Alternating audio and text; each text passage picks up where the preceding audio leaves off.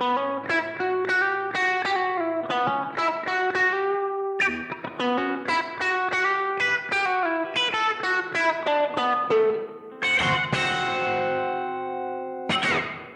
guys, jumpa lagi bersama podcast Candu Investasi. Nah, kali ini kita di segmen konten. Konten itu apa sih, guys? Oke, halo sebelumnya ya teman-teman semuanya. Jadi, konten itu adalah ngobrolin emiten. Jadi di sini ada aku, Via, sama Bagas yang bakal nemenin kalian bahas-bahas tentang emiten nih. Emiten itu apa sih? Kalau emiten menurutku itu adalah uh, perusahaan yang ada di Indonesia yang udah uh, melakukan listing di Bursa Efek Indonesia. Nah, biasanya ada hmm, apanya sih, Vi? Kalau ciri-ciri emiten tuh? Biasanya tuh belakangnya tuh ada TBK-nya, artinya terbuka. Biasanya perusahaan-perusahaan itu melakukan listing agar dia bisa melakukan ekspansi dan nambah modal. Jadi perusahaan-perusahaan yang mudah melantai itu nanti bisa dimiliki oleh entitas publik kayak kita ini juga bisa ikut beli, ikut memiliki juga. Di episode kali ini kita bakal bahas perusahaan-perusahaan telekomunikasi sama perusahaan semacam infrastruktur yang bangun-bangun tower gitu. Oh iya, itu berarti berkaitan sama isu yang mau masuk nih berarti ya. Uh, jaringan baru ya kayaknya ya. 5G. G-nya kan generation, berarti generasi terbarunya dari 4G yang selama ini kita pakai, ya kan? Mm-mm. Dan dari 4G itu kecepatannya katanya sih bisa 10 sampai 20 kali lebih cepat. Bahkan aku baca-baca juga bisa sampai 100 kali lipat loh. Gila, berarti Wah, gila download sih. film bisa cuman hitungan detik Merem doang ya? Merem doang. Merem mungkin Nah, kalau negara-negara lain sih udah pada nerapin 5G ya. Contohnya kayak Amerika, Kanada, Australia, Terus ada New Zealand juga, ada Inggris, Irlandia, Cina, Thailand, Jepang, Korea Selatan, ya, bener tuh. Filipina. Negara-negara maju ya kebanyakan ya yang udah Singapura menerapkan. Juga. Nah. Nah, nah kita mau bahas emiten apa dulu enaknya nih? Uh, terserah sih. Tapi menurutmu dengan 5G ini mungkin nggak sih masuk ke Indonesia? Mungkin sih, tapi uh, eh, 4G aja katanya sampai akhir 2020 kemarin belum semuanya rata 4G gitu. Jadi mungkin bertahap ya, butuh bertahun-tahun gitu untuk 5G. Iya sih benar banget sih. Apalagi kan kita kan negaranya kepulauan ya. Jadi nggak kayak negara-negara lain yang langsung kayak Singapura itu kan bisa dibilang negara yang uh, nggak terlalu luas ya. Jadi uh, bisa hmm. terjangkau. Kalau di Indonesia kan juga negaranya yang terdiri dari banyak pulau. Jadi nggak semuanya bisa terjangkau. Nah, iya. menurutku juga uh, eh, 5G itu sangat bisa prospek banget sih masuk ke Indonesia apalagi kan perkembangan di kota-kota besar ini kan bisa dibilang maju kan. Nah, bisa banget uh, eh, 5G nanti masuk ke kota-kota besar terlebih dahulu, ya nggak sih? Mm -mm. Jadi, beberapa waktu yang lalu itu ada lelang 5G. Yang memenangkan lelang 5G itu ada Telkomsel, Smartfren, sama Tri. Nah, lelang ini juga punya ini ya apa kriteria dan lain-lain ya. Jadi perusahaan-perusahaan yang eh, memenangkan lelang tuh pastinya juga punya eh, apa fasilitas yang mendukung dan standar-standar lain yang udah ditentukan kayak misalnya kecepatan bandwidth-nya apa fasilitas yang dia punya. Nah, itu yang udah mendukung 5G tentunya perusahaan emang udah uh, dia mempersiapkan matang-matang untuk uh, menyambut 5G ini. Mungkin kamu bisa bahas dari Telkomsel dulu deh. Kayaknya baru merhatiin banget nih ya, Viani.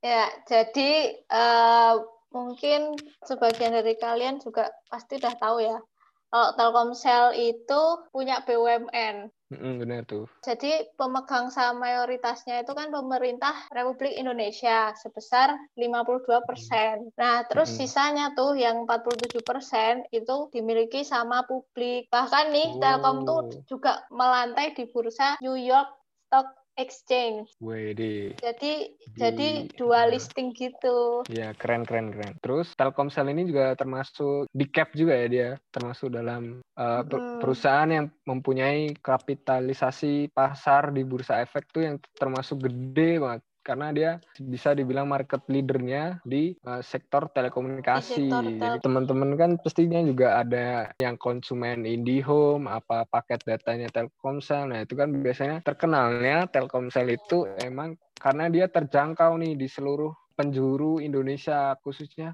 pelosok-pelosok. Jadi dia berani buat masuk ke pelosok-pelosok Indonesia. Nah, itu sih keunggulannya dari Telkomsel. Tapi uh, kadang suka ngeselin ya sinyalnya suka hilang-hilang gitu. Iya bener tuh. Kalau itu mah apa penyakit gak bisa hilang itu mah.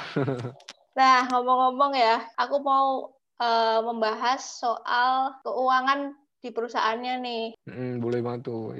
Jadi uh, sebenarnya kalau kita ngomongin uh, per tahun gitu nggak bisa ya karena uh, laporan keuangan kuartal keempatnya belum keluar. Ya jadi uh, setahun itu ada berapa kuartal sih? Ada empat. Jadi ya, empat, kuartal ya. pertama itu bulan 1 sampai 3, terus kuartal kedua bulan 4 sampai 6, kuartal ketiga tuh bulan 7 sampai 9 dan kuartal keempat tuh bulan 10 sampai 12. Nah, tapi biasanya kuartal 4 itu keluarnya tuh sekitaran bulan apa ya? Maret mungkin ya? Iya, biasanya agak telat sih kan. Nah, kuartal 4 2020 itu belum keluar. Jadi kalau uh, kita bandingin uh, per tahun sih sebenarnya agak kurang enak ya. Cuman ya kita pakai data yang ada aja kali ya. Data menurutmu aja nggak apa-apa.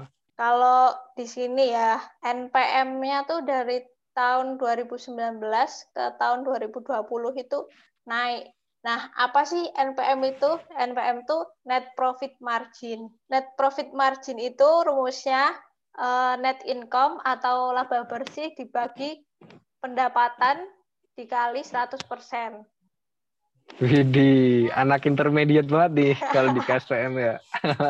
Oke, oke. Okay, uh, jadinya kalau NPM-nya naik, berarti istilahnya perusahaan ini berjalan dengan baik gitu sebenarnya di sini hmm. pendapatannya pendapatan uh, kuartal ketiga kemarin dibanding 2019 itu lebih kecil ya. Tapi hmm. tapi NPM-nya lebih tinggi.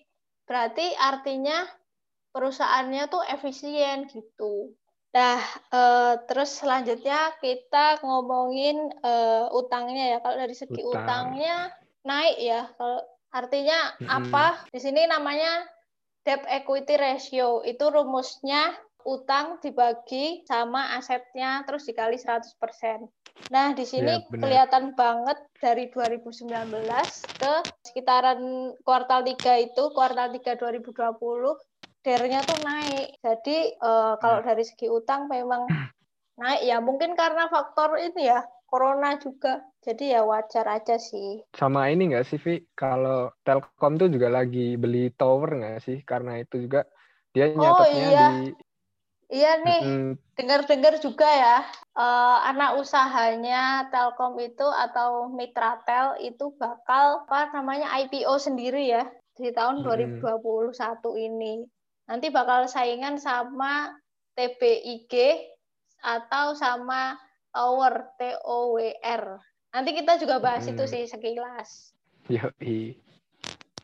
Terus apa lagi ya? Dividennya kali ya? Ah, boleh. Dividen itu uh, apa sih gitu kan? Kalian mungkin bertanya-tanya ya. Dividen itu uh, bagi hasil ya, bagi hasil labanya. Hmm, bagi keuntungan. Iya, istilahnya gitulah. Nah, kalau uh, dari laba perusahaan itu kan uh, dibagi jadi dua ya hasilnya. Dari apa laba ditahan sama dijadiin sama dividen. Nah, kalau hmm. ini nih, aku lihat nih, hmm, dividen payout ratio-nya turun nih. Jadi terakhir kali uh, ini datanya sih 2019 ya. Jadi dari 2018 ke 2019 dividen payout ratio-nya tuh turun. Yang berarti eh, perusahaan ini lebih banyak apa ditahannya nih daripada dividennya gitu. Mungkin juga buat ini ya dia buat investasi buat jangka panjang mungkin ya. Pergerakan harga sahamnya gimana, Vi? Prospek dia untuk ke depan menurutmu? Kalau pergerakan harga sahamnya ya, ini sih terakhir kali dia kayak membentuk pola bullish continue. Ditutup dengan menguat pada perdagangan sebelumnya di level 3.620 ke level 3.570 atau naik lima persenan lah. Oh, berarti lagi ya, naik-naik. Uh, peluang berlanjut sih men menuju resistennya di 3.620 sampai 3.750. Oke, berarti gitu ya sih. masih prospek lah ya ini perusahaan. Orang dia juga termasuk uh, big cap dan LQ45 juga, jadi masih mm -hmm buat jangka panjang bisa asal masuknya benar juga kalau misalnya mau trading juga bisa. Terus emiten apa lagi sih? Dia menang tender. Smart Friend. Smart Friend iya yeah. ya. Oke, okay. uh, eh, mungkin aku bakal bahas sedikit aja ya tentang Smart Friend. Gak kayak via tadi yang sampai detail gitu. Soalnya aku juga nggak nggak terlalu uh, menganalisis dalam tentang friend ini. Nah, jadi uh, untuk friend ini uh, menurutku uh, dia tuh uh, termasuk perusahaan uh, dengan kapitalisasi walaupun kapitalisasinya kecil tetapi dia tuh pertumbuhannya tuh termasuk yang uh, paling cepat lah di antara emiten-emiten pesaingnya. Uh, bisa dibilang dia tuh kan di bawah grup Sinarmas ya. Jadi grup yang termasuk gede banget nih. Kalau nggak salah tahun 2009 diakuisisi oleh Sinarmas. Jadi dia tuh terus bertumbuh. Rasio PBV-nya tuh juga bertumbuh. Uh, kalau tadi aku baca itu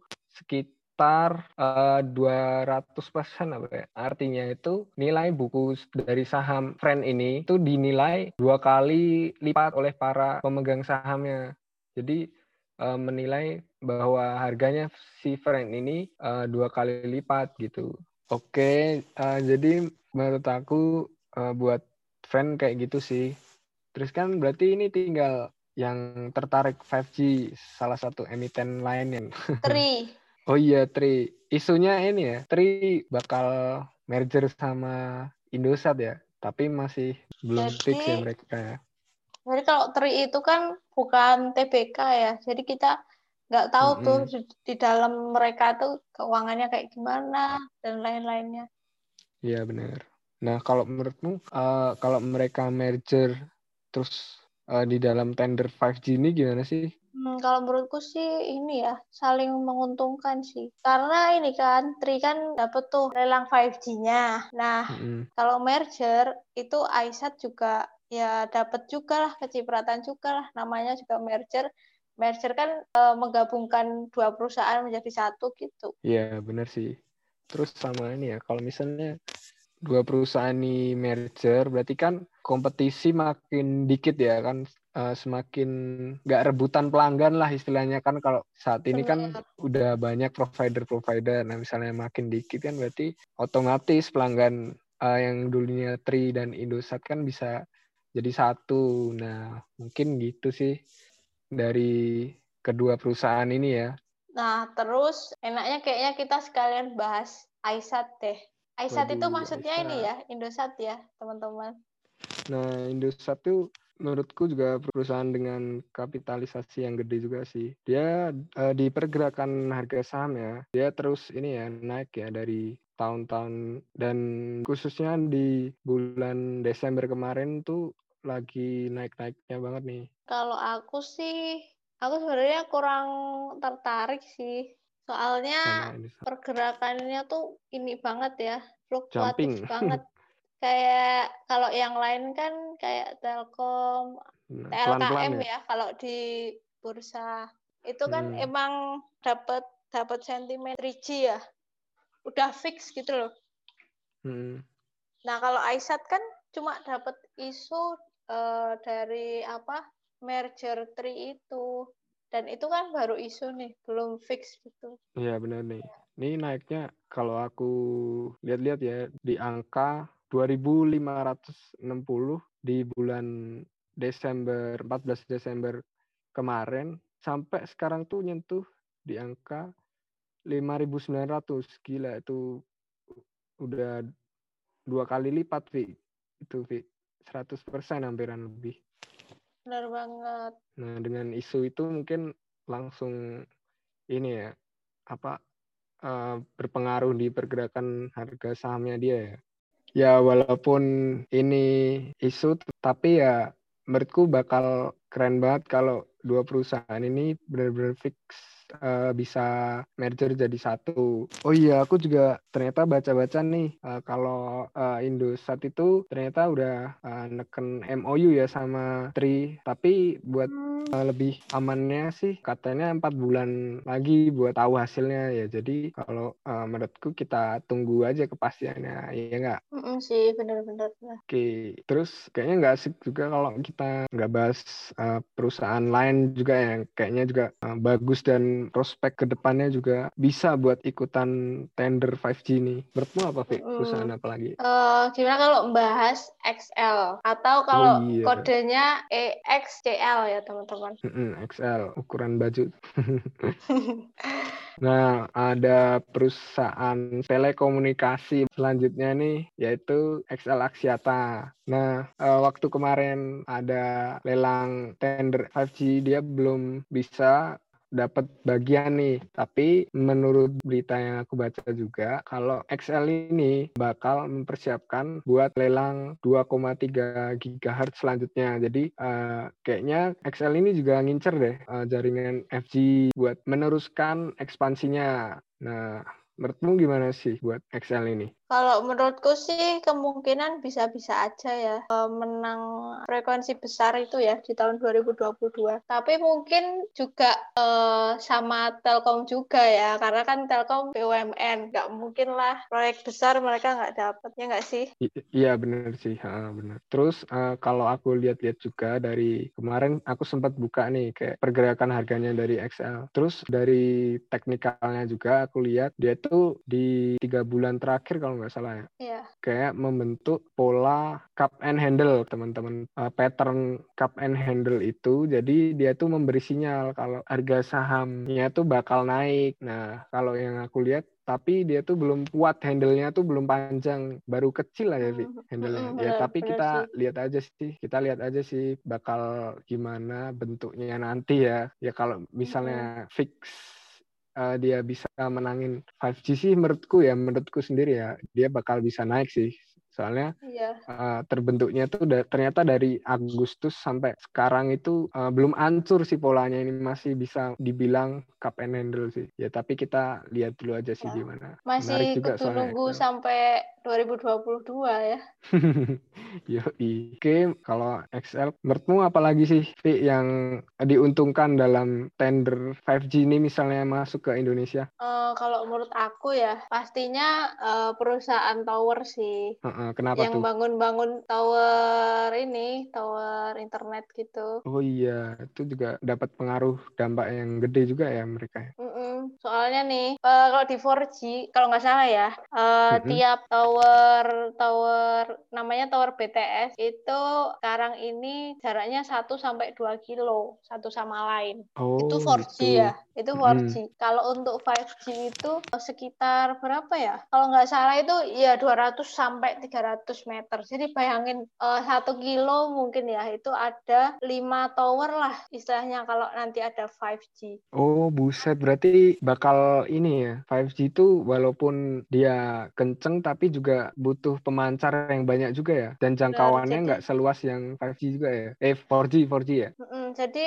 apa namanya uh, jadi bayangin aja sih perusahaan tower kira-kira lah kasarnya tuh keuntungannya mungkin akan naik lima kali lipat lah istilahnya kan kayak gitu ya. Iya bener tuh. Ya perusahaan tower itu apa aja sih kalau di Indonesia ini? Ada dua ya yang yang apa yang gede-gede ini ada uh, TBIG atau Tower Bersama Infrastruktur. Ini uh, salah satu grupnya Saratoga ya atau punyanya Pak Sandiaga Uno. Nah, benar tuh. Nah, Yang kalau saat aku ini lihat jadi menteri apa? uh, menteri ini pariwisata. Nah, benar.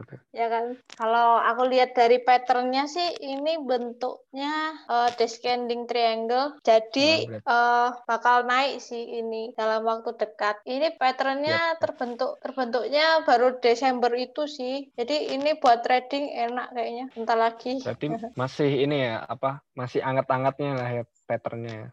Mm-mm. Boleh banget tuh pattern. Kalau tower ya, tower itu wah, aduh, lama banget jalannya sih. Ini punyanya grupnya ini, Jarum, segrup sama Oh. BCA. Tower itu eh, kepanjangannya Sarana Merana Sarana Menara Menara. Nusantara. nah, kalau aku lihat dari patternnya nih, dari Juli, Juli ya, Juli sampai sekarang ini kayaknya OTW bentuk up and handle sih. Tapi nggak tahu Wih. karena ini emang jalannya lemot banget. Kayaknya Iya. masih agak lama. nggak rekomend sih buat trading. Iya, buat investasi mungkin iya dengan Nggak juga. Hmm, Soalnya dividennya tuh cuma eh, kalau nggak salah ya, yang kemarin tuh cuma 2% kayaknya ya. 2% doang. Kalau umumnya kan dividen yang tinggi itu di atas 3% ya. Soalnya Mm-mm. cuma 2% doang. Aduh. Ya mungkin Tapi- karyawannya doang lah ya yang beli saham ya. tapi tapi eh, enaknya dia itu dia nggak apa nggak fluktuatif jadi Iya. ketika IHSG naik turun naik turun dia nggak pengaruh apa apa beneran Tapi ya jalannya itu ya yang harus Iya, lama sabar-sabar. banget lama banget segitu mulu tektok terus Nah, makanya itu ya tergantung dari profil kita juga sih sama uh, saham-saham tertentu tuh cocok nggak sama profil kita. Nah, itu bisa jadi tips sih buat kalau misalnya mau beli saham, mau masuk emiten mana. kalau di tower itu supportnya di 940 ya Hmm. Resis- resistennya kemungkinan di sekitaran 1125 sampai 1150. Kalau nembus itu ya uptrend. Menarik banget sih bahasan kita tentang 5G dan juga emiten-emiten yang terdampak sama isu 5G mau masuk Indonesia. Wah ini eh, bisa banget sih buat eh, pandangan kita buat gimana sih prospek kalau 5G ini masuk ke Indonesia kan kita bisa meneliti lagi lah dan memperhatikan eh, aspek-aspek apa aja yang bakal diuntungkan atau enggak eh, yang bakal terpengaruh ya kan. Mm-mm-mm. Oke. Ini sih cocok banget buat investasi eh, jangka panjang. sambil eh, sabar-sabaran lah ya. Iya, karena ya mungkin ini 5G itu sampai 2024 ke atas kali ya. Enggak dan juga nggak bisa instan kan melihat Mm-mm-mm. eh, kondisi di negara Indonesia yang ya belum banyak nggak sih 4G HP-HP yang Belum di. Indonesia? heeh. 4G aja Heeh. belum semua daerah eh, terjangkau. Iya bener banget tuh dan juga eh, dari eh, perangkat-perangkatnya pun juga rugi kalau misalnya 5G udah masuk ke Indonesia tapi perangkat-perangkat masyarakat Indonesia tuh belum 5G kan juga siapa yang mau beli ya kan tuh tapi ini menarik sih buat jangka panjang dan bakal benar. terus membantu digitalisasi di Indonesia tentunya. Oke, kayaknya cukup sekian ya dari bahasan kita buat episode kali ini. Ya nggak, Vi? Mm. Iya sih, kayaknya udah lama banget ya pembahasan. Udah bahas panjang kali lebar juga nih. Iya, Ya walaupun nggak semuanya kita bahas sih ya, tapi iya, ya menurut nggak nggak dikulik semuanya. Oke, eh, mungkin cukup sekian dari kita.